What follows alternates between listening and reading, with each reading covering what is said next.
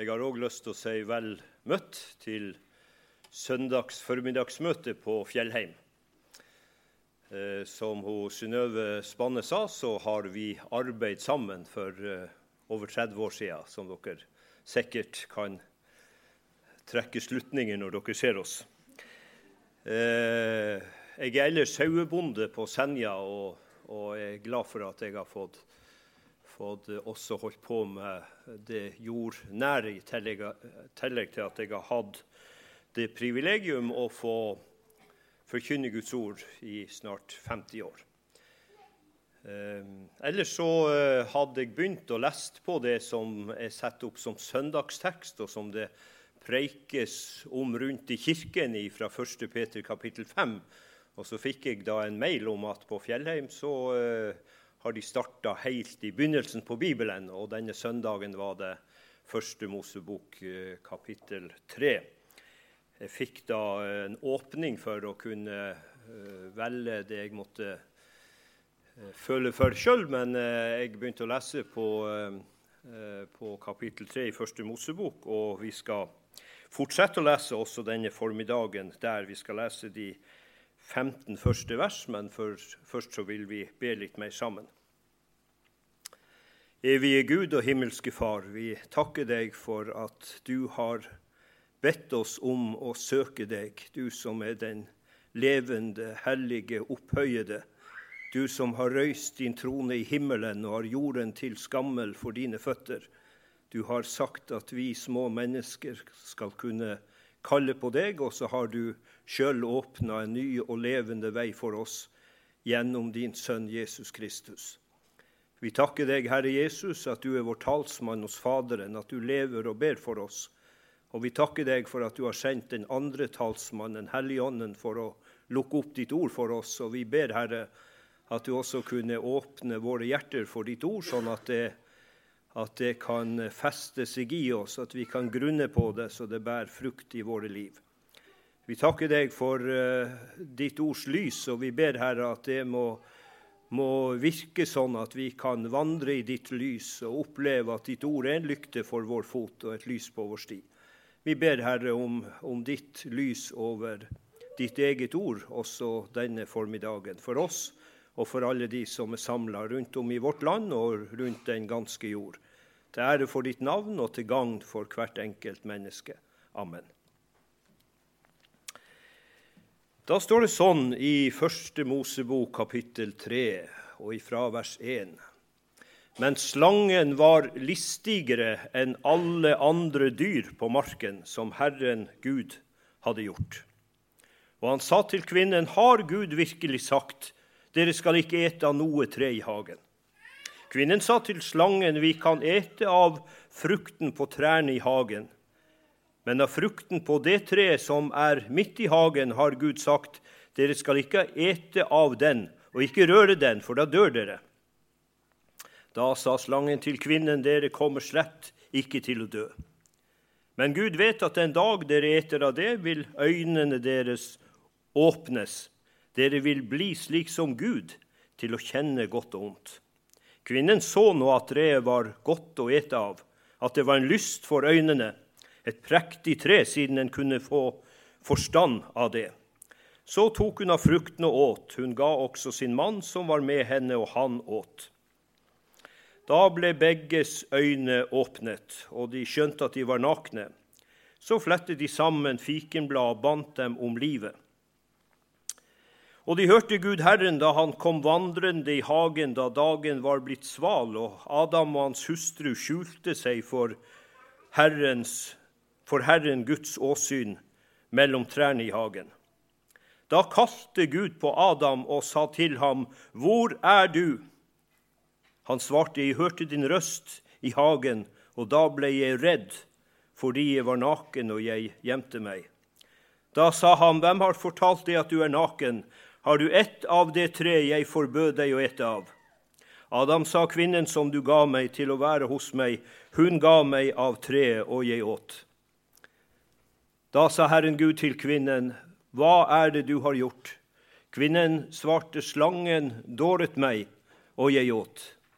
Da sa Herren Gud til slangen, fordi Du gjorde dette, skal du være forbannet framfor alt fe og framfor alle markens dyr. På buken skal du krype, og støv skal du ete alle ditt livs dager.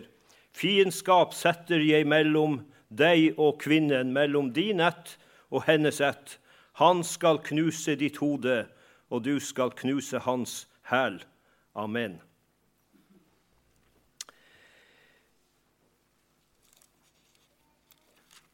Teksten gir oss anledning til å tale om noe som vi ikke bruker så mye tid til å tale om gjerne i eh, våre forsamlinger. Eh, og Jeg hadde lyst rett og slett å si noe om djevelen, som er den første nesten vi møter i teksten. Eh, I vår vestlige kultur har vi jo avskrevet Eh, avskrevet djevelen langt på vei, sjøl om hans navn brukes flittig til å banne og sverge. I Bibelen har han mange stygge navn. Han kalles for tyven i kapittel 10 hos Johannes, og sier Jesus det om den onde, at han er tyven som bare kommer for å stjele og myrde og ødelegge. Eh, og Litt lenger ut i samme kapittel så, så kaller Jesus den onde for ulven som røver eh, flokken av de troende. Så røver de for omsorgen for den innbyrdes kjærlighet, vil splitte og spre fra hverandre. Og Det skal vi være obs på. Vi, eh, vi tenker ikke så nøye over djevelens listige angrep.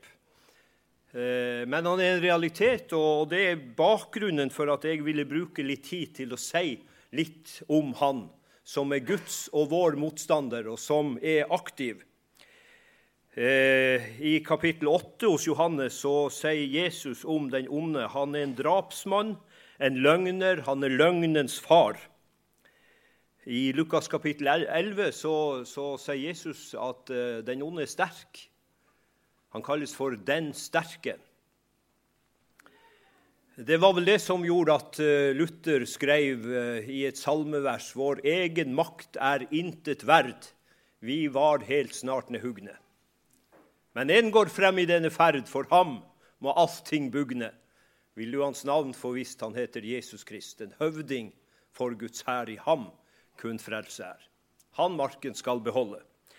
Så djevelen er altså rett og slett ikke til å spøke med. Han er en mektig motstander og han er slug. Eh, hos, eh, til, i, i, andre brev til korinterne skriver eh, apostelen Paulus om disse falske apostler. Eh, så skrev han at det ikke det er ikke merkelig, for endog djevelen skaper seg om til den lysets engel. Jesus taler om eh, falske messiaser som skal stå fram og føre mange vil. Altså, det er den onde som kommer på mange vis gjennom mennesker som kan se fromme ut, men som har et budskap som fører også Guds folk vil, om det er mulig, sier Bibelen.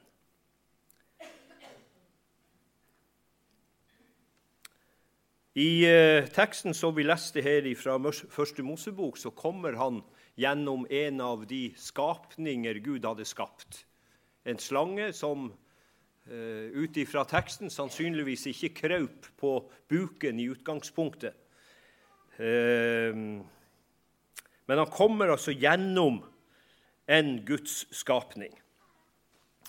I, eh, hos Matteus kapittel 16 så ser vi det at eh, djevelen kommer gjennom en av de nærmeste av Jesu venner og medarbeidere, gjennom Peter.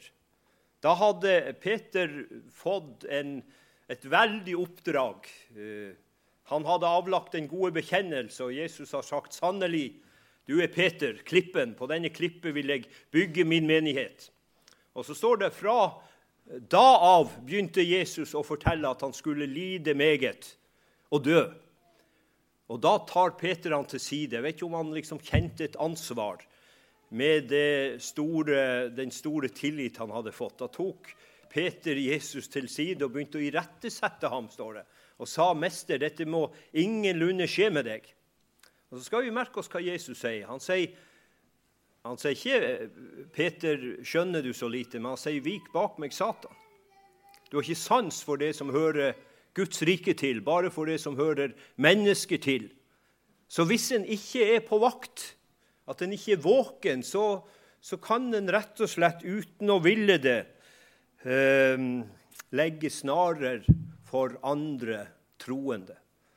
Eh, og Her ser vi at eh, her prøvde djevelen gjennom Peter endog å legge en snare for Herren Jesus Kristus.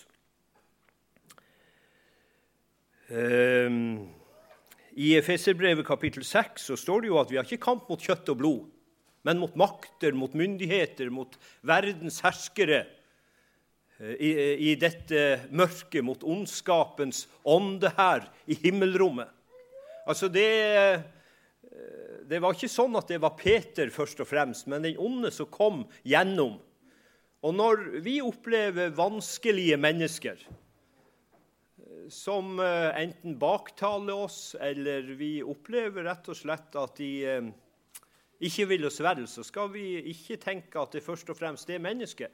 Men det kan være at den onde prøver gjennom mennesker å gjøre det vanskelig for oss.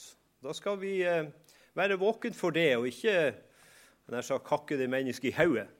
Men vi skal tenke at også dette er et menneske som Jesus Kristus har dødd for, og som uten å ville det og uten å skjønne det kan gå den ondes ærend. Vi som har levd en stund, har opplevd også litt av det. Så kan vi undres på hvem er denne Guds og vår motstander, han som, som kalles for djevelen og Satan. Hvor kommer han fra? Bibelen gir oss ikke så veldig eh, stort lys over det, men eh, det kan se ut som at han er en englefyrste som gjorde opprør, som attrådde Guds sønns plass. Vi ser jo det når han frister Jesus og viser han all verdens riker og herligheter. Så sier han alt dette vil jeg gi deg om du faller ned og tilber meg. Og så vet vi at Jesus svarte, det står skrevet, Herren din Gud skal du tilbe, og ham alene skal du tjene. Og så står det, da forlot djevelen ham. Ehm, Jesus hadde sendt ut 70 eh, disipler, og de opplevde store ting. Og de kom glade tilbake og sa, 'Herre, endog de onde ånder var lydige i ditt navn.' De opplevde virkelig at tjenesten lyktes. Og Så skal vi merke oss noe Jesus sier det i Lukas kapittel 10. Unnskyld, det ble den. Um, Lukas kapittel 10, der sier der sier Jesus noe som uh, er verdt å legge på hjertet. Um, de 70 kom glade tilbake og sa, 'Herre, til og med de onde åndene adlyder oss i ditt navn.' Da, han, da sa han til dem, 'Jeg så Satan falle ned fra himmelen som et lyn.' Se, jeg har gitt dere makt til å trå på slanger og skorpioner og over all fiendens velde, og ingenting skal skade dere.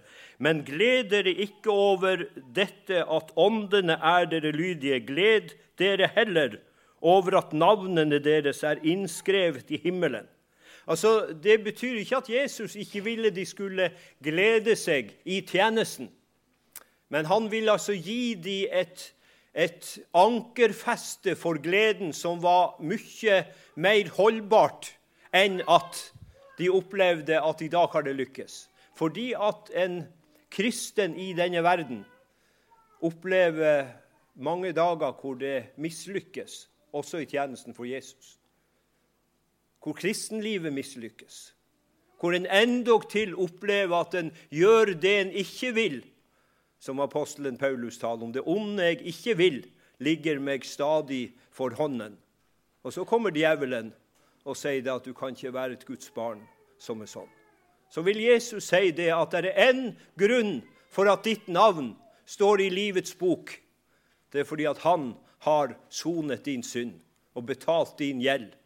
Og når du tar din tilflukt til ham, så er han din frelser.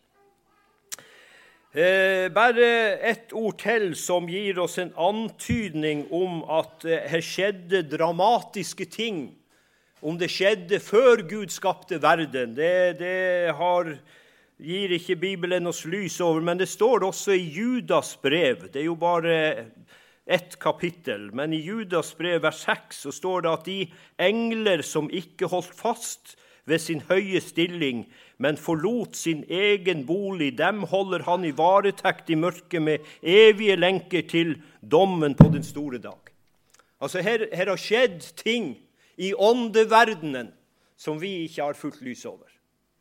Men, men det forteller oss, oss at Guds og vår motstander, djevelen, er ute etter én ting. Det er å, å hindre Guds verk og stå Gud imot og hindre mennesker i å komme til tro på Kristus og leve i troen på Han. Vi ser det i Det gamle testamentet. Vi ser Herrens tjener Jobb. Det står jo underlige ting i Jobbs bok kapittel 1. Vi bare tar en rask smett innom Jobbs bok. Der står det i, i kapittel 1 eh, om, eh, om Guds sønner som kom fram for Herrens åsyn.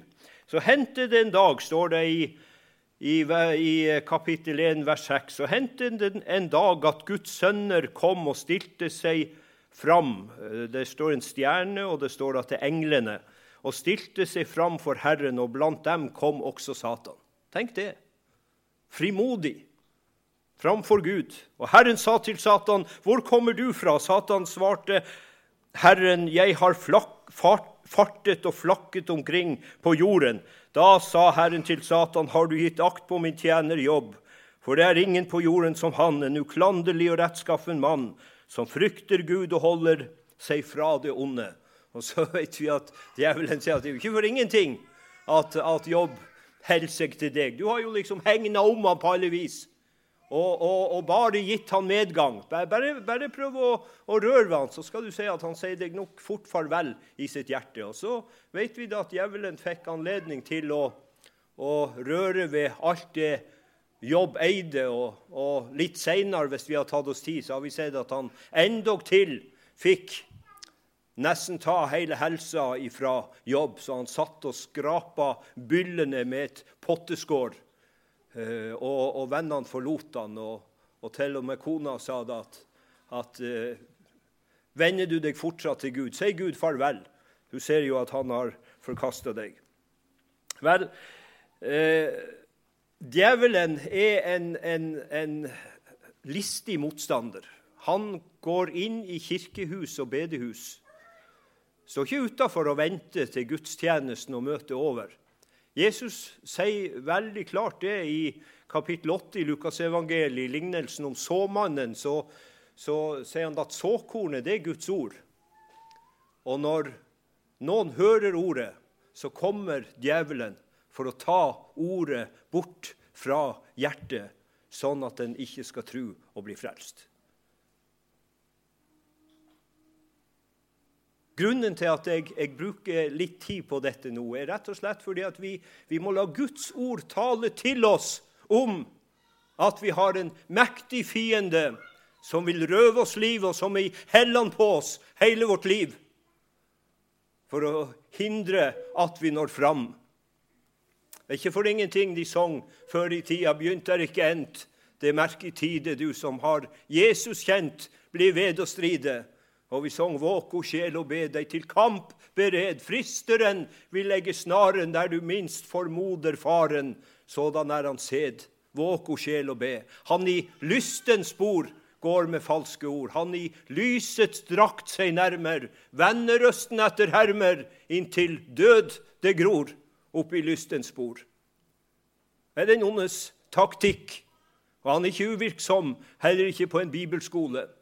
Men det som er lykken og gleden og frimodigheten, det er at vi har en som er sterkere, og som har makten, og som beseiret den onde. Det står om Jesus da han gikk til Golgata kors. Så står det at han avvæpnet maktene og myndighetene og stilte dem åpenlyst til skue idet han viste seg som seierherre over dem på korset. Og Jeg hadde lyst til å gi deg et råd når den onde vil anfekte din tro, så skal du ta han med til Golgata. Og så skal du si der henger han som har betalt for all min synd. Jeg kan love deg at da vil djevelen fly. Han har vært der en gang før og blitt beseiret. Jesus er seierherren. Vi skal ikke bruke så mye tid, men vi må tilbake til teksten litt mer. Ehm, det som er djevelens taktikk, er jo rett og slett å vri og vende på det Gud har sagt. Ehm, har Gud virkelig sagt? Gud kan da ikke mene det sånn. Ehm, og vi skal jo merke oss det at han, han, han legger noe til det som Gud har sagt. For han sier, 'Har Gud virkelig sagt at dere skal ikke ete av noe tre i hagen?' Det hadde jo Gud ikke sagt. Han sa, sa dere kan fritt ete alle trær. Men det er ett tre. Skal vi høre hva, hva hun sier, kvinnen? Vi kan ete av frukten på trærne i hagen, men om frukten på det treet som er midt i hagen, har Gud sagt, dere skal ikke ete av den. Og så legger hun også noe til å, å ikke røre den, for da dør dere.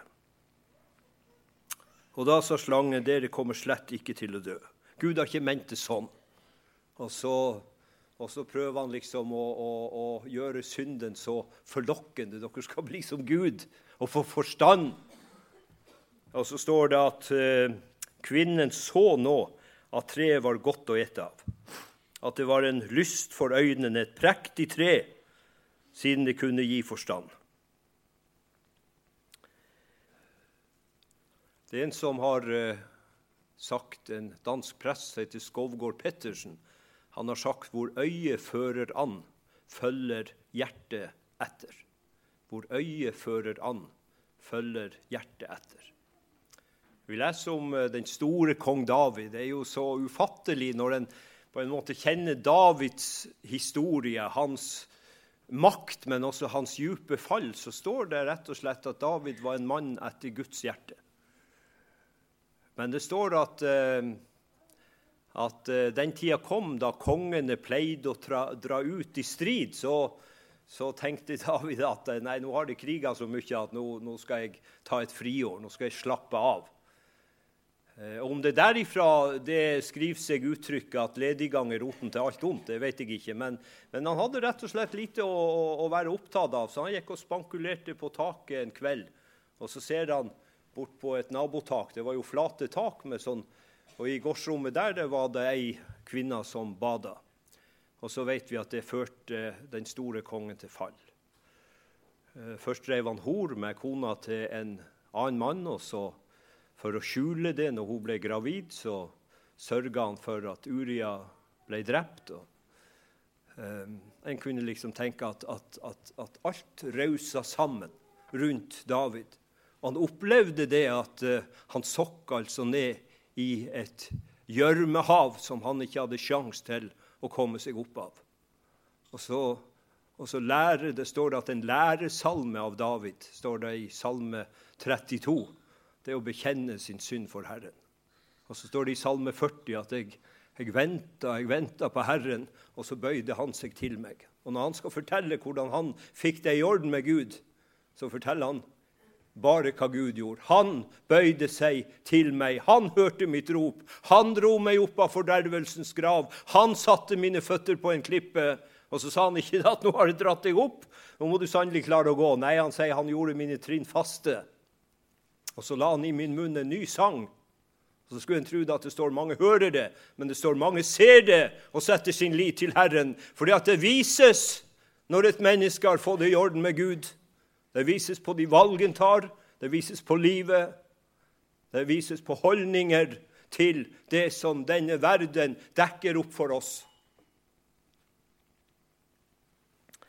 Og så uh, skjedde jo den store tragedien som kalles for syndefallet, og som, og som eh, gjør at synden trengte igjennom til alle mennesker. Eh, og så står det når eh, dagen var blitt sval, blitt kjølig på ettermiddagen, Eh, og Adam og hans hustru skjulte seg for Herren Guds åsyn mellom trærne i hagen. Så er det altså Guds oppsøkende nåde. Jeg syns det er så ufattelig. Gud som kunne ha i vrede over menneskets fall, kunne ha vendt i ryggen, tilintetgjort de. Men Gud oppsøker altså det falne mennesket, og så roper han, 'Adam, hvor er du?' Jeg har sett, sett for meg hvor de sitter altså eh, i et om det er et hjørne i Edens hage, vet jeg ikke, men de hadde altså gjemt seg under et tre, står det. Tror du ikke Gud visste hvor de var?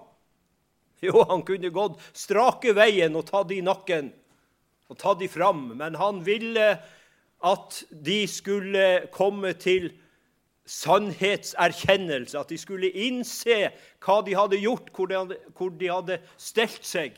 Derfor roper han 'Adam, hvor er du?' Og Sånn kaller Gud mennesker også i dag. Til oppgjør og til samfunn med seg. Guds oppsøkende nåde. Sånn er Jesus. Han leter etter de bortkomne for å finne.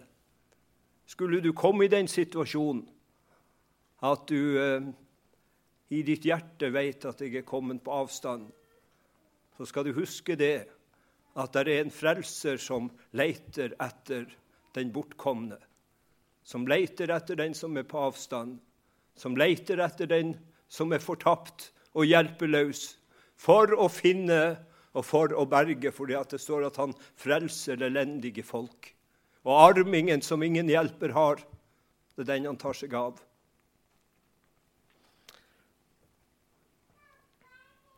Adam stilles til ansvar både for seg og for kona si Eva. Eh,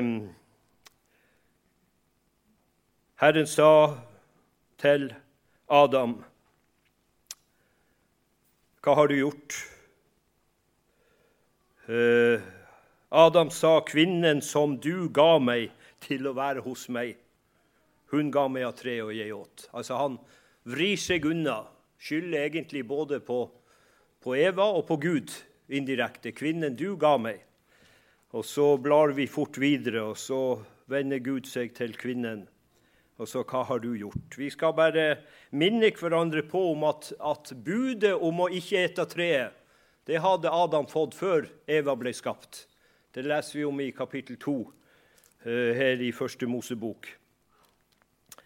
Eh, der eh, står det i, i vers 15 og 16.: Og Gud Herren tok mennesket og satte ham i Edens hage til å dyrke og verne den. Og Gud Herren bød mennesket av hvert tre i hagen kan du ete fritt, men treet til kunnskap om godt og ondt må du ikke ete av, for den dag du eter av det, skal du visselig dø.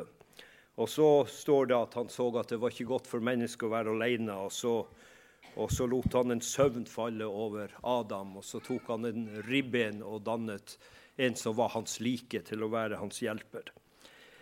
Kunne være mye å si om akkurat det, men vi har ikke tid til å gå inn på det. Men vi skal høre hva det står når Gud taler til slangen, til djevelen egentlig, som har kommet gjennom denne Guds skapning. Så sier Herren, fiendskap setter jeg mellom deg og kvinnen, mellom din ett og hennes ett. Han skal knuse ditt hode, og du skal knuse hans hæl. Her forkynnes evangeliet for første gang. Det skal komme en av kvinnens ett som skal gjenopprette fallet, og som skal knuse slangens hode. Det var vel det som gjorde at Luther sa det, at for hver gang djevelen så en gravid kvinne, så skalv han og tenkte det er nå han kommer. Han visste jo ikke når han kom, eller hvem som skulle føde verdens frelser. Men han visste bare det, at av kvinnens ett så skulle det komme en. Vi blar til Romerbrevet kapittel 5. Og tar med oss til slutt det som er sammenfattet I vers 12 står det i Romerne 5.: Derfor like som synden kom inn i verden ved ett menneske, og døden på grunn av synden. og døden slik trengte igjennom til alle mennesker fordi de syndet alle. Og så står det i vers 18.: Altså, like som en manns overtredelse ble til fordømmelse for alle mennesker, slik blir også en manns rettferdige gjerning til livsens rettferdiggjørelse for alle mennesker. Og her tales det om Jesus. Det storverk han gjorde da han steg inn, da han ble fattig for vår skyld. Vi leser om det i Filipperbrevets andre kapittel, tredje kapittel er det vel. Han som da han var i Guds skikkelse, aktet, ikke aktet det for et rov å være Gud lik, men tok en tjeners skikkelse på seg. Og så kom han, en særlig fra himmelen, for å kjøpe oss fri, vi som er sammen her på Fjellheim. Og tok han vår synd og skyld og straff på seg. Og så sonet han, sånn at vi i ham skal være rettferdige for Gud. Tenk det. Ren og rettferdig himmelen verdig er jeg, i verdens frelser alt nu. Ordet forkynner at mine synder kommes rett aldri mer i hu, at jeg er frelst og salig fordi Sønnen har gjort meg virkelig fri. Fri fra nøden, dommen og døden. Og når han ser det, så sier han amen, halleluja. Det er det storverk som ligger i det som forkynnes til Eva på fallets dag. Din ett. Av din ett så skal det komme en som skal knuse slangens hode, gjøre ende på djevelens makt. Men han er ikke uvirksom, og det har vi prøvd å legge hverandre på hjertet, slik at vi skal våke og be og iføre oss Guds fulle rustning, så vi kan gjøre motstand mot djevelen og all, all hans gjerning og bli stående etter å ha overvunnet alt. Så synger vi 'Hva jeg skyldte Han oppfylte'. Min oppstandne Herre Krist, vredens luer med deg truer. Gud min Fader er forvisst. Drept er døden. Tenk, det står det. Drept er døden, endt er nøden, og beseiret Satans list. Går det an at, at, at en tar livet av døden? Det står at han tilintetgjorde døden og førte liv og uforgjengelighet fram i lyset ved evangeliet. Dette skulle vi ha tid å tale om, for det er et så stort evangelium at endog til døden har Jesus overvunnet og tatt brodden av, sånn at han er fergemannen som fører et Guds barn fra dette forgjengelige og må sette oss av i det uforgjengelige Guds rike.